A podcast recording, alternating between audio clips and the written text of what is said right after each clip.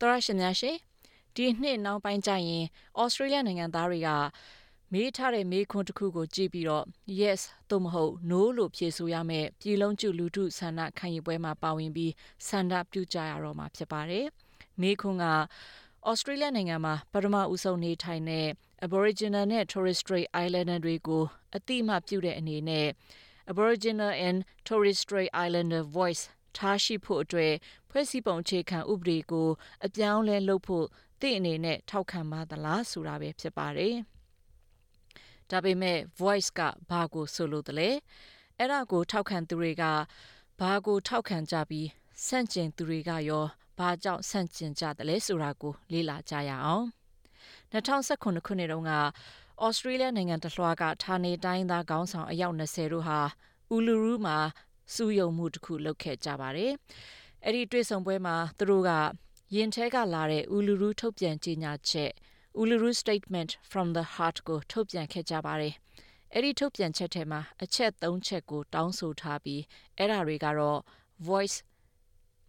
treaty နဲ့ truth တို့ဖြစ်ပါတယ်။ပါမောက်ခ Megan Davis ဟာပြည်လုံးကျလူလူဆန္ဒခံယူပွဲကောင်စီကဖြစ်ပြီး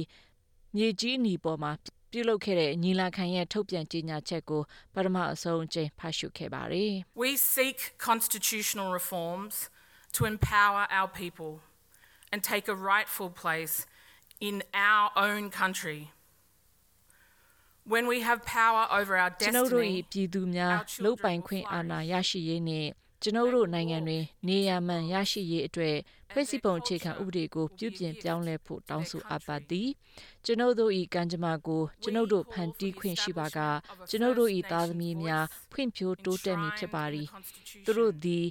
ကမ္ဘာနှစ်ခုပေါ်တွင်တွာလာပြီးတော့သူတို့၏ရိုးရာရင်ကျေးမှုသည်ဒီနိုင်ငံအတွက်လက်ဆောင်မှုဖြစ်ပါမည်ဌာနေတိုင်းသားများ၏အတန်တရ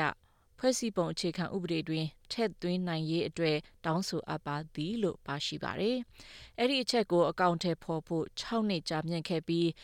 ဒီနှစ်ထဲမှာဖွဲ့စည်းပုံအခြေခံဥပဒေကိုအပြောင်းလဲလုပ်ဖို့လူမှုဆန္ဒခံယူပွဲကိုကျင်းပတော့မှာပါ။နိုင်ငံသားတွေကမေးလာတဲ့မေးခွန်းကိုကြည့်ပြီး yes သို့မဟုတ် no ကိုဖြေဆိုကြရတော့မှာဖြစ်ပါတယ်။အဲ့ဒီတော့ voice ကဘာကိုဆိုလို့တလဲ။အစိုးရရဲ့ First Nation Referendum Working Group ရဲ့အဆိုအရ Voice ဟာ Aboriginal နဲ့ Torres Strait Islander ရဲ့အရေးနဲ့ပတ်သက်လာရင် Australia လွှတ်တော်မှာအမြဲတမ်းကိုစားပြုမှာဖြစ်ပြီးဥပဒေပြုရေးမှာလည်းအာဏာရှိမှာဖြစ်တယ်လို့ပြောပါတယ်။ Referendum Working Group အဖွဲ့ဝင် Pat Anderson ရဲ့အဆိုအရဌာနေတိုင်းသားနဲ့ပတ်သက်လာရင် Australia အနေနဲ့ဒီထက်မကလှုပ်ဆောင်ဖို့လိုအပ်တဲ့အတွက် voice ကိုထားဖို့လိုအပ်တယ်လို့ပြောပါတယ် It's a universal truism that when you involve people that you're making decisions for, you make better decisions and you better allocation of all the resources that are ကို required. ကလူတွေအတွက်ဆုံးဖြတ်ချက်ချတော့မယ်ဆိုရင်အဲ့ဒီလူတွေကိုကိုယ်တိုင်ပါဝင်ဆုံးဖြတ်စေခြင်းအပြင်ပုံမကောင်းမွန်တဲ့ဆုံးဖြတ်ချက်နဲ့လိုအပ်တဲ့အရင်းမြစ်တွေကိုပုံမကောင်းမွန်စွာနေရာချထားတာမျိုးလုပ်နိုင်မှာဖြစ်တယ်ဆိုတာလူတိုင်းသိတဲ့အရာဖြစ်ပါတယ်။အဲ့ဒီလိုလှုပ်ဆောင်ချက်ဟာဒီမိုကရေစီရဲ့အခြေခံအချက်လည်းဖြစ်ပါတယ်။ဩစတြေးလျနိုင်ငံဟာ မိမိရဲ့ဌာနေတိုင်းသားတွေနဲ့ဘာသဘောတူညီချက်မှလှုပ်ထားတာမရှိတဲ့ liberal democracy နိုင်ငံတစ်ခုဖြစ်နေတယ်လို့ပြောပါတယ်။လွှတ်တော်မှာ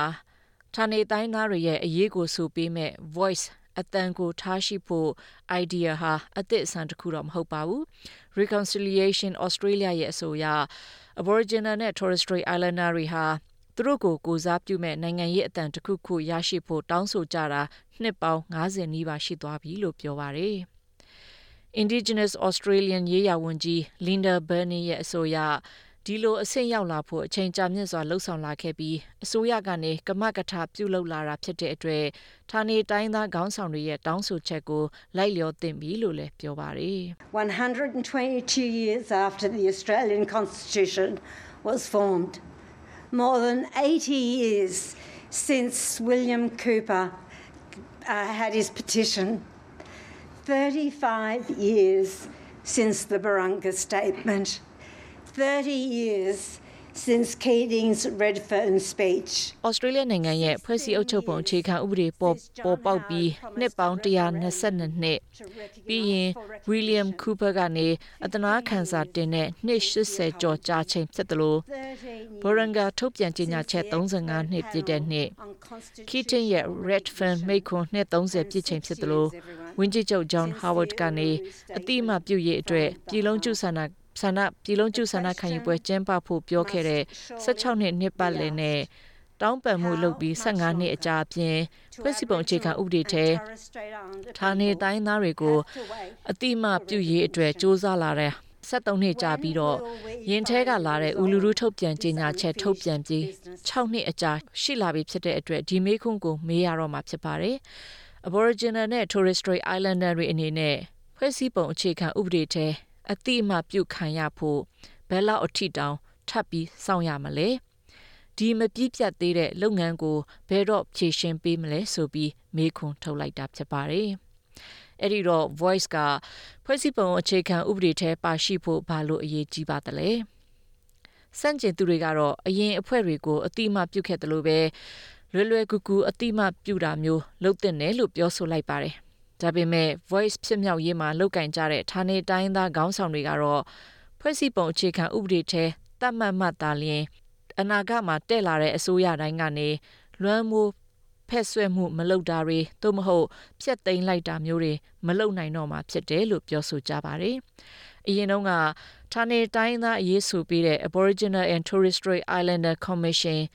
ATSIC ဆိုတဲ့အဖွဲ့ရှိခဲ့ဖူးပေမဲ့နောက်ပိုင်းမှာမရှိတော့တာမျိုးကိုရည်ညွှန်းပြီးပြောဆိုခဲ့တာဖြစ်ပါတယ်။ Marcia Langton ဟာ Voice ဖြစ်မြောက်ရေးရဲ့အဓိကဘိတုကတူဖြစ်တယ်လို့ Referendum Working Group ရဲ့အဖွဲ့ဝင်တူလည်းဖြစ်ပါတယ်။ The Royal Commission into Aboriginal Deaths in Custody, the inquiry into the forced removal of Aboriginal children from their families, um, the Don Dale Royal Commission. Uh, I could go on and on. And in each case, we have doggedly recommended changes ဖန်စီခံရစဉ်အတွင်းတေဆုံးရတဲ့ Aboriginal နဲ့ဆက်ဆက်ပြီးတော့တော်ဝင်စုံစမ်းစစ်ဆေးကော်မရှင်တွေရှိပါတယ်။ Aboriginal ကလေးတွေသူတို့မိသားစုစီကနေအသိအဓမ္မဖယ်ရှားခံရတဲ့ကိစ္စနဲ့ပတ်သက်ပြီးစုံစမ်းမေးမြန်းမှုတွေလည်းရှိခဲ့ပါတယ်။ Don Deal တော်ဝင်စုံစမ်းရေးကော်မရှင်လည်းရှိခဲ့ပါတယ်။ ဒါပေမဲ့အဲ့ဒီလိုအရာတိုင်းကသေဆုံးမှုတွေဖမ်းဆီးမှုတွေစောစည်းစွာသေဆုံးမှုတွေနဲ့ဘဝပြတ်သုံးမှုတွေနဲ့ပတ်သက်ပြီးရှောင်ရှားနိုင်အောင်အကြံပြုချက်တွေရှိပေမဲ့ထိရောက်စွာဆောင်ရွက်နိုင်ခြင်းမရှိခဲ့ကြပါဘူး။ဒါကြောင့်မို့လဲတခြားဩစတြေးလျတွေနဲ့ဌာနေတိုင်းသားတွေအကြားကွာဟမှုတွေကိုစစ်ဆက်မှုလုပ်တဲ့အခါမှာတိုးတက်မှုများများဆဆမတင်ပြနိုင်ကြတာဖြစ်ပါတယ်။ကျမတို့က အလုတ်မဖြစ်တော့တာတွေရက်တန့်ကရတင်ပြီးလူတွေရဲ့ဘဝတိုးတက်အောင်ဆောင်ရွက်တင်ပြီးလူတွေကသူတို့ဘဝအတွက်ပြောရဆိုခွင့်ရှိရင်သူတို့ဘဝတိုးတက်လာတဲ့တက်တဲ့အထောက်အထားတွေရှိတာတွေ့ရတဲ့အတွက်အဲ့ဒီလိုလှုပ်ဆောင်ပေးဖို့စ조사နေတာလို့ပြောပါတယ်။ဥလူရူထုတ်ပြန်ကြေညာချက်ထဲမှာ voice treaty နဲ့ truth ဆိုပြီးသုံးချက်ပြောဆိုခဲ့ကြပေမဲ့ voice ကဘာဖြစ်လို့ treaty နဲ့ truth ရဲ့ရှေ့မှာရောက်ပြီးတော့ဦးစားပေးအကောင့်ထဲပေါ်နေရပါသလဲအဆိုပြုသူတွေရဲ့အဆိုအရသဘောတူညီချက် treaty ကိုဖော်ဆောင်နိုင်ဖို့အတွက်အစိုးရကဌာနေတိုင်းသားတွေကိုကိုစားပြုတဲ့အဖွဲ့တစ်ခုနဲ့ဆွေးနွေးမှုလုပ်ရမှာဖြစ်ပြီးလောလောဆယ်အနေအထားမှာအဲ့ဒီလိုအဆိုပြုပေးမဲ့အဖွဲ့မရှိသေးတဲ့အတွက်ဖြစ်တယ်လို့ပြောပါတယ်စစ်တမ်းတွေအရဩစတြေးလျနိုင်ငံသားတွေက ဌာနေတိုင်းသားတွေကိုဖွဲ့စည်းအုပ်ချုပ်ပုံအခြေခံဥပဒေထဲမှာအတိအမှပြုဖို့ကိစ္စကိုကြက်ကြက်ပြန့်ပြန့်ထောက်ခံကြောင်းပြသထားပါတယ်။ဒါပေမဲ့အခုဆိုရင် voice ကိစ္စကိုအကြံလန်ညင်းခုန်ပြောဆိုကြရကနေ voice ကိစ္စမှာရော့ရဲမှုတွေဖြစ်လာနေတာပဲဖြစ်လာနေပါတယ်။အစိုးရကအတိုက်ခံပါတီကလည်းဒီကိစ္စမှာထောက်ခံဖို့မျှော်လင့်ထားပေမဲ့အတိုက်ခံညွန့်ပေါင်းအဖွဲ့ကတော့ no မထောက်ခံနိုင်တဲ့ဘက်ကနေ campaign ဝင်နေပါတယ်။ အတိုက်ခံခေါင်းဆောင် Peter Dutton ကဒီကိစ္စကို the Canberra Voice လို့ခေါ်ဝေါ်ထားပါတယ် If a voice is embedded in the constitution the parliament can't change the voice or pass laws to override it The Parliament cannot out legislate the Constitution. အကယ်၍ voice ကသာဖွဲ့စည်းပုံအခြေခံဥပဒေမှာထည့်သွင်းထားရင်လွှတ်တော်က voice ကိုပြောင်းနိုင်တော့မှာမဟုတ်သလို အဲ့ဒါကိုကြော်ဖြတ်ဖို့ဥပဒေတွေလည်းပြောင်းလဲနိုင်တော့မှာမဟုတ်ပါဘူးလွှတ်တော်ကနေဖွဲ့စည်းပုံကိုကြော်ပြီးတော့လှုပ်လို့မရတော့ပါဘူးအကယ်၍ Australia နိုင်ငံသားတွေက voice ကိုမလို့ချင်တော့ပါဘူးဆိုရင်တော့ voice ဟာနောက်ပြန်လှည့်လို့မရတော့တဲ့အရာဖြစ်နေပါတယ်ဒီအရာကိုအရင်စမ်းသပ်ကြည့်တာမျိုးလည်းမရှိပါဘူး South Australia မှာလုပ်သလိုဥပဒေအရင်ပြုတ်ပြီးလုပ်တာမျိုးလည်းမရှိပါဘူး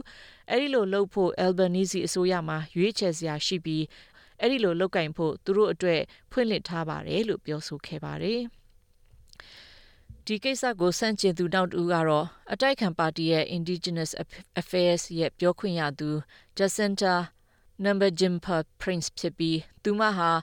Northern Territory ရဲ့အထက်လွှတ်တော်အမတ်တူလည်းဖြစ်ပါတယ်။ Voice ကလက်တွေ့မှာအကျိုးပြုပါမလားလို့မေးခွန်းထုတ်လိုက်ပြီး ဒီကိစ္စကဌာနေတိုင်းသားအတိုင်းဝိုင်းတွေကြုံတွေ့ရတဲ့ပြဿနာကိုဖြေရှင်းပေးနိုင်မဲ့ပြောဆိုမှုကနေအလန်းဝေးနေသေးတယ်လို့ပြောဆိုလိုက်ပါတယ်။ We're being put on hold until this referendum is done and real issues aren't being addressed immediately because the Albanese government is suggesting that it is a voice to parliament that is the only thing that is going to solve some of our tough issues. ဒီပြည်လုံးကျလူတို့ဆန္ဒခံယူပွဲပြီးမှကျမတို့အရေးကိုပြောဆိုဆွေးနွေးကြမယ်အနေအထားမျိုးဖြစ်ပြီးတော့အဓိက issue တွေကိုကိုကင်တွယ်ခြင်းမရှိဘဲ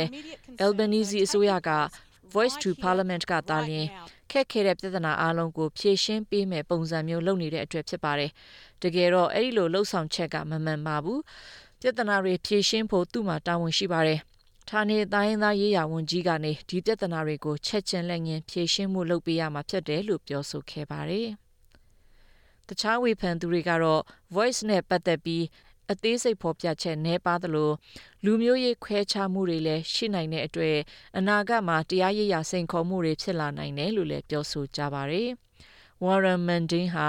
No Campaign ရဲ့ပြောဆိုပြောရေးဆိုခွင့်ရှိသူဖြစ်ပါတယ်။ My view on the voice of parliament is, is it's a total waste of money. You know, there's 300 and something million dollars being spent, which could be spent on community projects out there in the regions and the remote ကျွန်တော်ရဲ့အမြင်အရ Voice to Parliament ဟာငွေဖြုံးယုံတက်တဲ့လှုပ်ဆောင်ချက်ပါပဲအဲ့ဒီအတွက်ဒေါ်လာမီလီယံ300လောက်အသုံးပြုမှာဖြစ်ပြီးအဲ့ဒီငွေတွေကိုနေစုံနှဖျားက community project တွေအတွက်အသုံးပြုသင့်ပါတယ်ဒီလိုလှုပ်ဆောင်ချက်က Aboriginal တွေမှာ voice မရှိဘူးလို့ဆိုရရောက်ပါတယ်ကျွန်တော်တို့မှာအတန်အမြဲတမ်းရှိပြီးခိုင်မာတဲ့အတန်က1983ခုနှစ်ကတည်းကရှိနေတာပါကျွန်တော်အနေနဲ့မြင်ချင်တာက အဲ့ဒီလူမှုအတိုင်းဝိုင်းအတွင်းစီးပွားရေးဖွံ့ဖြိုးတိုးတက်ရေးအလုပ်အကိုင်းပညာရေးနဲ့ရင်းနှီးမြှုပ်နှံမှုတွေရှိပြီးတော့စီးပွားရေးတည်ဆောက်ခြင်းတွေဖြစ်ပါတယ်။အဲ့ဒါတွေရှိမှသာလျှင်အမှန်တကယ်အပြောင်းလဲတွေဖြစ်လာနိုင်မှာဖြစ်တယ်လို့ပြောပါတယ်။ Voice ကိုစန့်ကျင်သူတွေတစ်ဖွဲ့ထဲမကရှိနေပြီးသူတို့တွေအကြားမှာလည်းအမြင်မတူကြပါဘူး။တတိပုတ်ကလလွတ်တော်မှာ Lydia Thorpe ကတော့ Voice နဲ့မလုံလောက်သေးဘူးလို့ပြောနေပါတယ်။ Green Party က Voice ကိုထောက်ခံတဲ့အတွက် Lydia Thorpe ဟာ